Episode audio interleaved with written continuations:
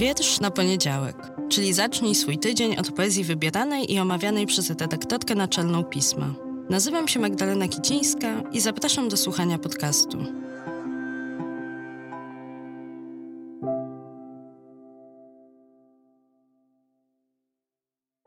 Cykl powstaje we współpracy ze Staromiejskim Domem Kultury.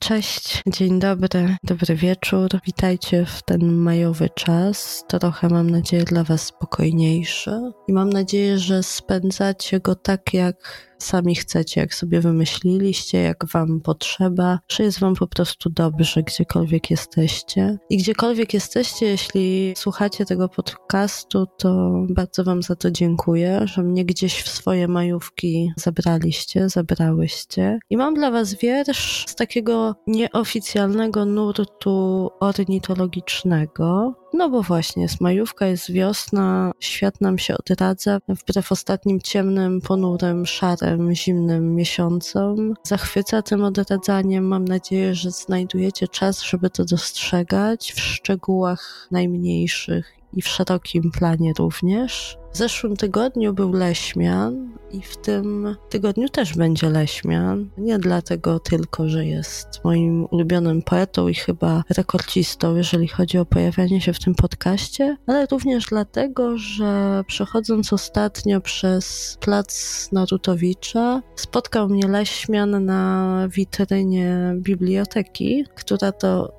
właśnie mieści się przy placu Narutowicza i ma piękną wystawę, a na tej wystawie taka tablica z wierszami i z tomami wystawionymi przed nią, tuż pod nią, przed nią, tomami poetów i poetek, którzy w swojej twórczości temat wiosny poruszali, a na tablicy fragmenty albo całe wiersze wiośnie poświęcone i tam też był wiersz, który za chwilę wam przeczytam, wiersz na tę okazję wspaniały, bardzo adekwatny, pasujący i mam nadzieję, że pasujący też do waszego nastroju w ten majowy czas.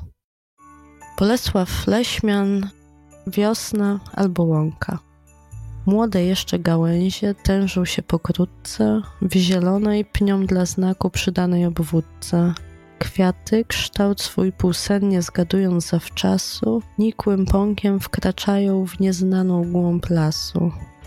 W dali postrach na wróble przesadnie rękaty, zeszłorocznym rozpędem chyli się we światy, jakby chciał paść w ramiona pobliskiej cierpiałki, co naprzeciw cień w skrócie rzuca w piasek miałki.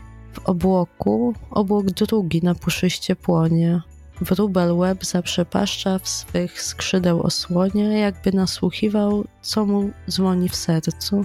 Świat, zda się, dziś nam nastał, a na pola szczercu, gdzie zieleń swym wykrojem omgliła rozłogi, bocian nad prostym kątem załamując nogi i dziób dzierżąc wzdłuż piersi, dogodnie jak cybuch, kroczy donikąd, w słońca zapatrzony wybuch, co skrzy się, że go okiem zgarnąć niepodobna, we wszystkich rosach naraz i w każdej zasobna takim wietrzem Was chciałam zostawić, ornitologicznym cyklu. Tu wróbel i bocian pojawia się, ale przypomniało mi się, że skoro wróbel, no to nie może się obyć bez Gałczyńskiego jeszcze, więc dodaję do tego na majówkę jeszcze jeden wiersz. Łatwiejszy w czytaniu, bo Leśmian dzięki swojemu talentowi słowotwórczemu i dźwiękonaśladowczemu dla kogoś, kto mówi niewyraźne R w ogóle powinien pójść na kurs dykcji, czyli dla mnie, no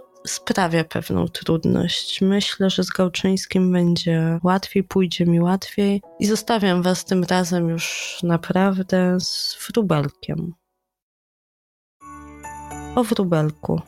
Wróbelek jest mała ptaszyna, wróbelek istotka niewielka. On brzydką stonogę pochłania, lecz nikt nie popiera wróbelka. Więc wołam, czyż nikt nie pamięta, że wróbelek jest druh nasz szczery? Kochajcie wróbelka dziewczęta, kochajcie do jasnej cholery. Dziewczęta i chłopcy, kochajcie wróbelka. Ciekawostka na koniec. Wróbelek jest z nami od 11 tysięcy lat, odkąd człowiek zaczął uprawiać pszenicę, pierwszą jakąś protopszenicę pewnie. Towarzyszy nam wróbelek, więc go szanujmy. O. Cykl powstaje we współpracy ze Staromiejskim Domem Kultury.